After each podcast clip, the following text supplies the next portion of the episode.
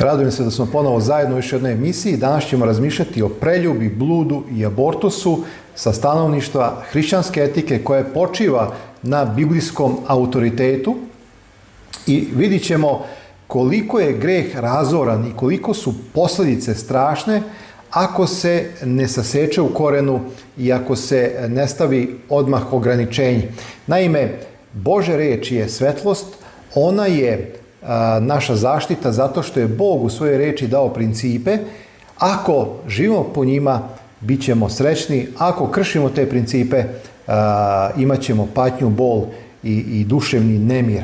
Naime, mnogi mladi ljudi prepustili su se uticaju greha i onda imaju velike, velike posledice koje ne traju samo u jednom kratkom vremenskom periodu, nego traju čak i do kraja njihovog života. I to je strašno ubilačko delovanje greha kojem su se prepustili. Naime, a, svaki uzrok ima svoje posledice. I obično se kaže da čovek žanje ono što je sejao. Zato nas Božja reč želi zaštititi, zato nas hrišćanska etika želi upozoriti i vratiti u okvire Božjih zapovesti, Božje volje koja je data da bi čovjek bio srećan, radostan i ispunjen. Ako čovjek izađe izvan ovih okvira smatrajući da je to neka nova sloboda, on se grdno vara jer tamo je greh, tamo je zlo, tamo je sotona koji jedva čeka da ulovi čovjeka živog u zamku za svoju volju. Dragi moji, hajde da vidimo kako da se zaštitimo od ovih greha koje vode čovjeku u propast i kako nas hrišćanska etika o tome uči i savetuje. Po učenju hrišćanske etike, greh nemorala, blud, kurvarstvo, preljuba je jedno od djevolskih, najopasnijih, najoštrijih oružja usmerene na uništenje ljudske duše, koje neprijatelj uspješno upotrebljava od početka civilizacije do današnjeg dana. Naime, dragi moji, Soton ima arsenal oružja koje perfidno koristi da bi ulovio čovjek u zamku, da bi ga uništio, i da bi ga a, na kraju satro. Da se podsjetimo, u ovome veku seksualne revolucije, onaj koji je ustanovio prvi brak u Edemskom vrtu, kao i zajednicu između muškarca i žene, ostavljen je po strani. Ako je, dragi moji, Bog po strani, mi ne možemo imati nikakvu sigurnost u svetu gde vlada sila greha koja mami čoveka i koja ga uništava. Zbog toga danas postoje mnogi problemi u braku i porodici. Hrišćanska etika jasno rasvetljava da je brak zavet za ceo život sa osobom koju smo izabrali za bračnog druga. Ovaj zavet znači reći da ženi ili mužu i ne svim drugima kada je reč o intimnom prijateljstvu. Blud, kurvarstvo je seksualni odnos koji se čini mimo braka. Naša slovenska reč blud znači lutanje i otuda se kaže za onoga koji je zastranio da je zabludeo. Zašto su to nazvali blud ili lutanje? Zato što je to promašaj u odnosu na ono što je Bog mislio da bude sa čovjekom u svetom. Bog zabranjuje seksualni odnos izvan braka. U nekoliko biblijskih tekstova imate a, informacije i ako želite možete zamrznuti ovaj a, video i na miru pročitati ove ovaj tekstove. Ja to neću raditi zbog vremena. Za tu zabranu postoje mnogi razlozi, a na prvo mestu je njegova ljubav i briga za svakog pojedinačno. Bog želi da nas zaštiti od svih ozbiljnih problema koji se javljaju zbog vanbračnog seksualnog odnosa. Evo nekoliko glavnih problema. Vanbračna deca. Jedan od tih problema je rađanje vanbračne dece koje su začeta bez stvarne roditeljske ljubavi. Mladi su se upustili u neke emotivne veze, u pitanju je bila požuda strast, oni su želi da imaju neko intimno iskustvo, nisu razmišljali o braku, a onda je došlo dete, ušli su u brak, ali to nije njihova želja bila, to nije bila njihova volja, deca to osjećaju, deca pate. Još gora stvar je, dragi moj, abortus, a, hiruški prekid trudnoće dovodi do osjećanja krivice zbog nasilnog oduzimanja života začetom detetu, što dalje dovodi do jake uznemirenosti i emocionalne patnje. E, mnogo je mladih koji pate, mnogo je mladih koji imaju osjećaj krivice zato što su usmrtili potencijal živo biće koje je trebalo da dođe na svet, jer moraju da završe fakultete, još nemaju posao, nisu ušli u brak, i mnogo je, mnogo je ovih situacija. Neke osobe cijelog života pate čak i emotivno aktivno obolevaju, moraju da piju posle neke lekove da bi zaboravili na taj emotivni stres. A da ne govorimo o zaraznim bolestima, ljudi koji se upuštaju polne odnose u kratkotrajnim proznim vezama izlažu se opasnostima da dobiju sidu, sifilis i gonoreju, što za sobom povlači druge telesne dušne probleme. Hollywood će snimiti filmove, Hollywood će a, učiti naše mlade da je sasvim u redu da imate a, intimne odnose pre braka ili da je sasvim normalno da pored svoje supruge imate još supruga ili, su, ili supružnika, ali nikada neće reći, ej dragi moji, evo ovo su moguće posledice. Hollywood će sve lepo uviti, napraviti da bude senzacija, napraviti da bude primamljivo, da je kao to nešto što je cool, da je moderno, ali nikada neće ukazati na probleme o kojima ja danas govorim, na koje ja danas ukazujem i na koje ukazuju mnogi ljudi, mnogi hrišćani a, koji žele da opomenu ovaj svet, da se manu greha i da budu verni Bogu. Osim preljubi bluda, sveto pismo zabranjuje brak bliskih srodnika i homoseksualnost. Ovdje imate tekstove, ako imate vremena, a, zamrznite video, pritisnite, pauzu i u miru pročitajte ove tekstove. Mediji i savremena kultura danas promovišu kurvarstvo, preljubu i svaki drugi vid greha kao nešto in, kao nešto što je fancy, kao nešto što je ovaj, poželjno, ali neće govoriti koje su posljedice činjenja istih vređanje Boga i lišavanje ljudi Božjeg carstva. Ovde u ovim tekstovima se govori da oni koji čine blud, koji čine preljubu, ne mogu ući u carstvo Božje ako se ne oslobode toga greha ili ako ne prestanu da ga čine. Kada počinje greh preljube? Isus Hristos uči da se o preljubi sudi ovako. Svaki koji pogleda na ženu sa željom za njom, već je učinio preljubu sa njom u srcu svom. Dragi moj, greh počinje u našim mislima. Da ne bismo pali u tu smis, e, mislenu unutrašnju preljubu, treba da izbegavamo sve ono što u srcu može da probudi nečista osjećanja, kao na primjer pesme o nemoralnim sadržajima, ritam, ružne razgovore, neuzdržane igre i šale, filmovi sa seksualnim sadržajem, čitanje knjiga u kojima se opisuju nečista ljubav i tako dalje. Treba se truditi prema evanđelju i ne gledati ono što sablažnjava. Zato Isus kaže, ako te tvoje oko sablažnjava, iskopaj ga i baci ga od sebe, jer ti je bolje da pogine jedan od udova tvojih nego li sve telo tvoje da bude bačen u pakao. Da me ne bi neko pogrešno, ne daj Bože, razumeo i da ne bi neko smatrao da doslovno to treba da uradi i da zaista fizički skopa sebi oko, ja želim da se ogradim i da dam tumačenje ovog teksta. Šta znači iskopati oko koje sablažnjava? Iskopati oko koje sablažnjava, to znači da ga trebam iskopati ne rukom, nego voljom. Ko je tvrdo odlučio da ne gleda ono što sablažnjava, ta je već iskopao oko koje ga sablažnjavalo. Jov, patrijah Jov u 31. pogledu kaže veru učinik sa očima svojim, pa kako bih pogledao na devojku. Verom znači umom, voljom, ja sam odlučio da to neću činiti. Tri stuba koje štite od preljube jeste hristocentričan život, vernost jedno drugome i komunikacija. U mojej emisiji Poslednje vremena, šesta emisija, ja sam ovo posebno obradio i ako neko želi da više sazna kad, je u pitanju, kad su u pitanju ova tri stuba a, koja štite od preljube, razvoda i tako dalje, može na mom kanalu pogledati a, ovu emisiju. Hajde da razmišljamo o abortusu. Svake godine bude abortirano više od 50 miliona fetosa, to je stručni izraz, ja bih rekao ljudskih života, što je broj koji premašuje populaciju mnogih zemalja. Mnoge žene se odluče za abortus iz raznih razloga zbog loše finansijske situacije, probleme u emotivnoj vezi i mnogo je, mnogo je razloga. Osnovno etičko pitanje jeste pitanje o tome kada počinje ljudski život. Ovo na izgled jednostavno pitanje nema jednostavan odgovor. Ako znamo u kom momentu individualnog razvića počinje ljudski život, onda je vrlo jednostavno prepoznati, razgraničiti i osuditi ne samo biotehnološke, nego i metode planiranja porodice, koje ubijaju nerođenu ljudsku individu. Postoje četiri različita naučna viđenja, verovatno i više, ali evo ja sam izabrao četiri, i odgovor na pitanje kada počinje ljudski život. Pod jedan, genetičko viđenje, po dva embriološko viđenje, po tri neurološko viđenje i po četiri sposobnost nezavisnog življenja.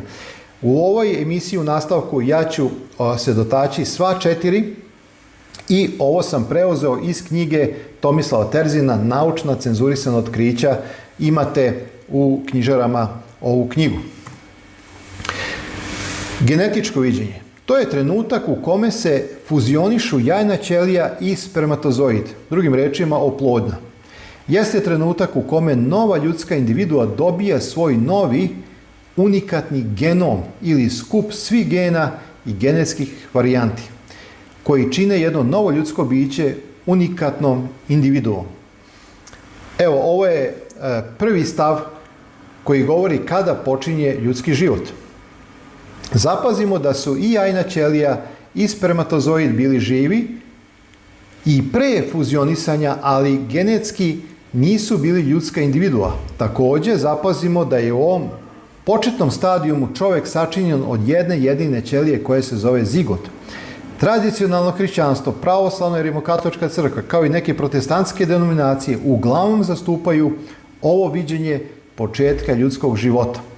Prema ovom viđenju abortus je ubistvo čoveka i opravdan je jedino u slučaju kada je majčin život ugrožen. Ekstremisti čak smatraju da su dve smrti bolje nego jedno ubistvo. Evo ovdje imate taj ciklus, možete videti kako to izgleda i kako se razvija od samog početka ljudski život. Drugi stav je embriološko viđenje. Ljudsko biće dobija svoju individualnost oko 14 dana nakon začeća. Zagovornici korišćenja embrionalnih matičnih ćelija i kloniranja raznih ljudskih embriona simpatišu meni potpuno nelogičnu ideju da ljudski život počinje tek 14 dana nakon začeća. Ako je do tada embrion bio mrtav 14 dana, vidite, kako je 14. dana oživio? Znači, nelogično po meni i po a, mom prijatelju Tomislavu Terzinu. U ovim naučnim krugovima je korišćenje raznih ljudskih embriona rutinska praksa. Evo treći neurološko viđenje. Ljudski život počinje u saglašenom neuralnom aktivnošću mozga. Znači po njima život počinje kada mozak počne da radi, jel tako? A to je negde 24. do 27. sedmica razvića.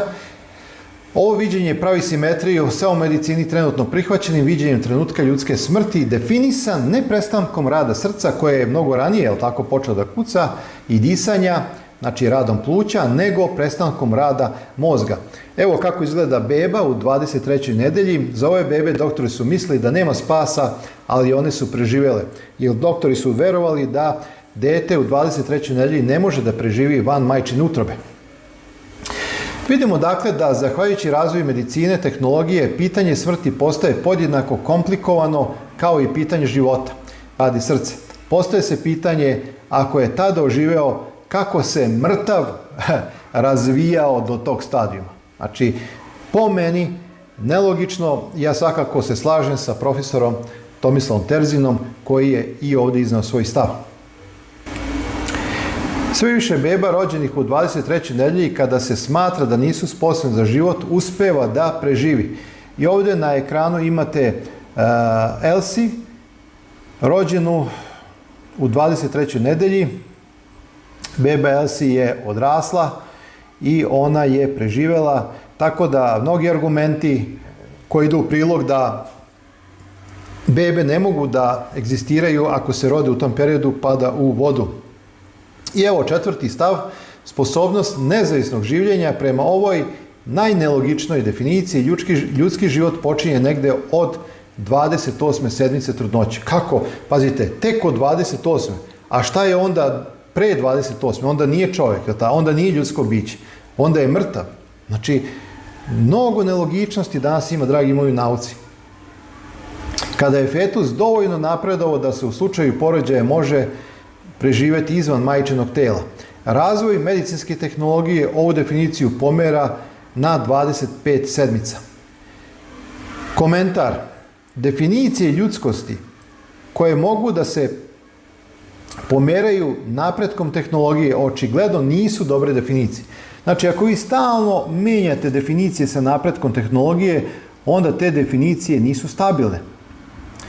Najzad znam neke individue koje su nesposobne za samostalni život i u svojim ranim 30. godinama, ako ćemo po toj logici ići, onda možemo malo i da se našalimo.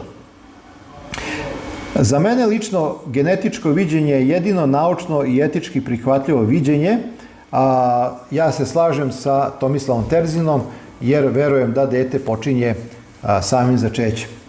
Sve ostale definicije predstavljaju samo specifične faze duž puta razvića čiji je uzrok začeće. Evo jednog primjera koji je napisala novinarka Nikolina Nakić. Imate ovde gore e, izvor odakle sam preuzeo, zato sam želeo da zadržim i originalni hrvatski jezik i jekavicu. Tekst je Nikoline Nakić e, tekst Nikoline Nakić preneli su mnogi portali, među njima i Šibenski portal, nakon čega je novinarka Nakić bila izložena uvredama, a zatim je sledila tužba veća časti Hrvatskog novinarskog društva s tvrdnjama da tekst vređa žene koje su počinile abortus i kako se u njemu mogu pročitati lažne statističke informacije. Naime, Ja nikada nisam ni trebala biti rođena, moja mama je zatrudnila sa mnom kao 17-godišnja kinja, gimnazijalka, blistavih ocena i isto tako u budućnosti. Tata mi je bio 4 godine stariji student bez primanja i malo su o čemu tada mogli sami odlučiti. Pritisci su bili strašni, od uništavanja budućnosti preko sramote da se žene, da se žene mladenci od 17 i 21 godinu. Lečnik se sažali i poručio da je za abortus prekasno, iako nije bilo. Isti taj čovjek prvi me je primio na ruke, čupao bucmastu bebicu, rođenu zdravu i u terminu, nosajući me onako tek rođenu i pokazujući me svima koji su se tamo našli govoreći, ma pogledajte je kakva je, kako lijepo dete, to je dete ljubavi. A vidite, toliko je malo falilo da se nikada ne rodim. Nečija odluka, nečija trenutna Samilost odlučila je o jednom celom životu, o meni, o mojoj deci, koju nikada ne bih rodila, o mužu kojeg nikada ne bih upoznala, tolike su sudbine visile o toj jednoj niti, iako se ovaj svet ne bi promenio, nastavio bi baš kao da se ništa nije dogodilo, moj mikrosvet promenio bi se bespovratno. Svaki, ali baš svaki abortus je takva priča. Priča o prekinutom životu, zauvek promenjenim sudbinama, koje bi dotakle mnoge, ali to nikada neće učiniti, osim zagovornom molitvom. Pitam vas ja, šta je sa nama? Šta je s ovim svetom kada zločin prikazuje kao ljudsko pravo? Šta nam se to dogodilo? I ona je citirala tekst iz Jeremije 1.5 koji kaže Pre nego što te oblikovah u majčinu utrobi, ja te znadoh, pre nego što iz krila majčine izađe, ja te posvetih za proroka svim narodima, postavite. Evo još jedne jezive ispovesti doktora. Naslov u medijima je bio zašto sam prestao da vršim abortuse. Doktor Stojan Adašević. Osnovno lekarsko ospitanje stekao sam za vreme studija na Beogradskom medicinskom fakultetu u periodu 51. do 57. godine. Učen sam prema tada važećoj doktrini da je dete živo tek sa prvim plačem – a sa katedre sam u okviru različitih oceka medicinskog fakulteta slušao uvek isto. Dete je živo tek sa prvim plačem. Pre toga ono što Pre toga ono je samo organ majke, kao što je, na primjer, zub, slepo crevo ili bubrek. Zapazite ovo, znači dete je samo organ. Izvoditi iz majke zub ili slepo crevo isto je što i prekinuti već započetu trudnoću. Tim aktom veštački izazvanim abortusom vi uklanjate samo organ majke. Znači, dete u stomaku nije živi organizam u smislu ljudsko biće, nego je organ majke. Evo, dragi moji, šta uče doktore. Vreme je teklo, javljala su se nova naučna dostignuća i pojavio se i ultrazvuk sa svojom diagnostikom. Počeo sam da ga obilno koristim i da se u njemu usavršavam. Donao mi je mnogo iznenađenja. Video sam plod, rad njegovog srca, njegove pokrete, otvaranje usta. Kod starih plodova zapažao sam i pojavu sisanja palca, a onda pošto je dijagnoza trudnoće bila postavljena, ta žena je po njenom zahtevu išla u salu za abortuse, takozvanu kiretanu, da bi se izvršilo utrobno čedomorstvo.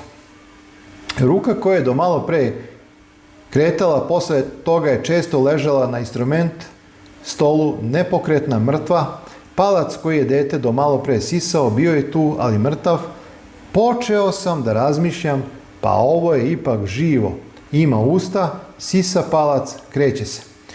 Sada još samo fali da izvučem srce koje kuca. Uđoh kleštima zgrabih i stvarno ja izvukoh i bacih na kompresu srce koje je kucalo. Stadok sa radom odjedanput, odjedanput shvatih da je to ubistvo. Jer sam do malo pre na ultrazvuku video to živo srce kako kuca, ruku i nogu kako se miču, dok su još bili svi u jednom komadu. Ne znam kako sam izgledao, ali u jedan put sam čuo glas sestre, doktore, šta je sa vama? Je li vam loše? U sebi se pomoli Bogu i rekoh, Bože, vadi me sada iz onoga u što sam upao. Počeh ponovo da radim i bez ikakvih komplikacija završih ono što naš naziv što naš naivni narod zove čišćenje. Od toga doba počela su moje razmišljanje i shvatanja da bez obzira što ne radim privatno, što ne radim direktno za novac, ipak sam izvršilac ubistva i to ne samo dželat, nego i sudija koji to odobrava i presađuje. Počeli su čudni snovi sa noćnim morama.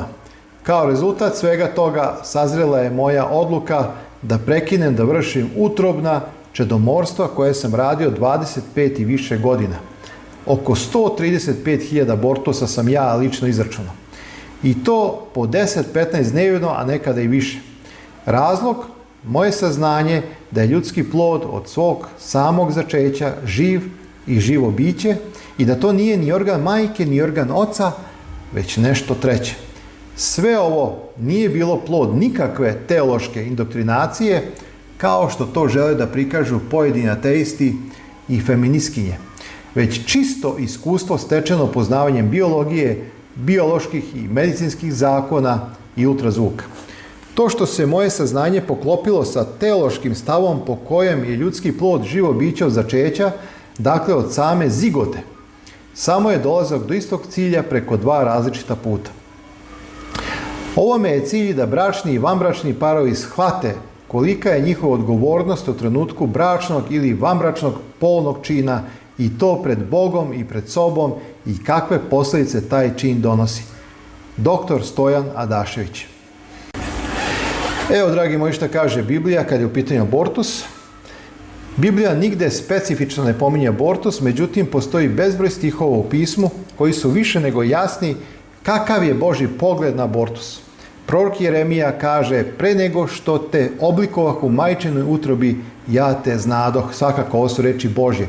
Vidite, Bog smatra da je čovek živo biće u utrobi. On ga je sačinio u utrobi, to je delo ruku Božih. Čovek e, je dobio sposobnost prokreacije, stvaranje umesto. Bog je dao čoveku mogućnost da stvara umesto Boga, s tim svakako Bog daje život, ali spoj muškarca i žene stvara živo biće.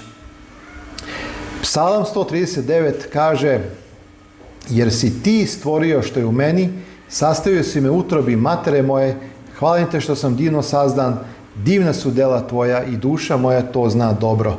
Zametak, vidite, zigot, zametak, videš oči tvoje, u knjizi je tvojoj sve to zapisano i dani zabeleženi kad ih još nije bilo ni jednoga. Druga Mojsijeva, 21. glava, propisuje istu za, istu kaznu za onoga ko uzrokuje smrt deteta utrobi kao i za nekoga ko je počinio ubistvo. Kada se svade ljudi, pa koji od njih udari tuđu ženu, tako da izađe iz nje dete, ali se ne dogodi smrt, da plati globu koliko mu ženi reče, a da plati preko sudija. Ako li se dogodi smrt, tada ćeš uzeti život za život. Hrišćanska crkva je od prvih dana svog postojanja abortus smatrala za ubistvo podučavajući svoje vernike da plod ima dušu od trenutka začeća. Luka apostol opisuje susret dve rođake Marije i Elisavete, koji se dogodio svega nekoliko dana posle blagovesti. U trenutku susreta Elisaveta je u šestom mesecu trudnoće. Budući majka i ona krstitelja pozdravlja Mariju, sada majku, sljedećim rečima. Blagoslovena si ti među ženama i blagosloven je plod utrobe tvoje i otkud meni ovo da dođe mati gospoda mojega k meni. Iz ovih reči jasno je da je Elisaveta prinosi hvalu plodu starom svega nekoliko dana. U isto vreme ona Mariju naziva majkom, iako se još nije porodila. Jasan stav da Biblija smatra da je e, dete živo i da ona predstavlja a, ljudsku osobu koja ima svoju ličnost, koja će jednoga dana da se rodi i da nastavi svoj život. Patrijeh Pavle kaže, najveći privid činim u vezi sa čedomorstvom, jer nećemo da priznamo da je to greh ubistva deteta motivisan sebičnošću nedostojnih roditelja. To je najgnusije ubistvo odbijanja blagoslova Božjeg, uskraćivanja prava na život nove ličnosti. Još nerođeno dete nije bezimeni zametak fetus, to je čovek, duša živa. Zaključak, dragi moji, Abortus je jedan od najgorih oblika oduzimanja prava na život, provođenja nasilja i ograničavanja prava najslabijih. Zato ako se trudnoća dogodi, a nije ugrožen život majke, oduzimanje prava na život zametku koji ima potencijal ostvariti ga sa stanovništva hrišćanske etike je moralno neprihvatljivo. Hvala vam puno za pažnju, verujem da vam je ova emisija pomogla da donesete svoje stavove i da zajedno svi na neki način shvatimo koliko greh može biti strašan, koliko mogu biti velike posljedice i daleko sežne. Nemojmo se, dragi moji, igrati sa grehom, nego se vratimo Bogu, ka njegovom moralnom zakonu, ka Isusu Hristu, našem spasitelju, koji je pun milosti i blagodati da nas čuva od svakoga greha. Svako vam dobro želim, uskoro se vidimo u novoj emisiji gdje ćemo obraditi temu etika i rat. Šta nam kaže Biblija i kakav stav Biblija ima prema ratu? Svako vam dobro želim.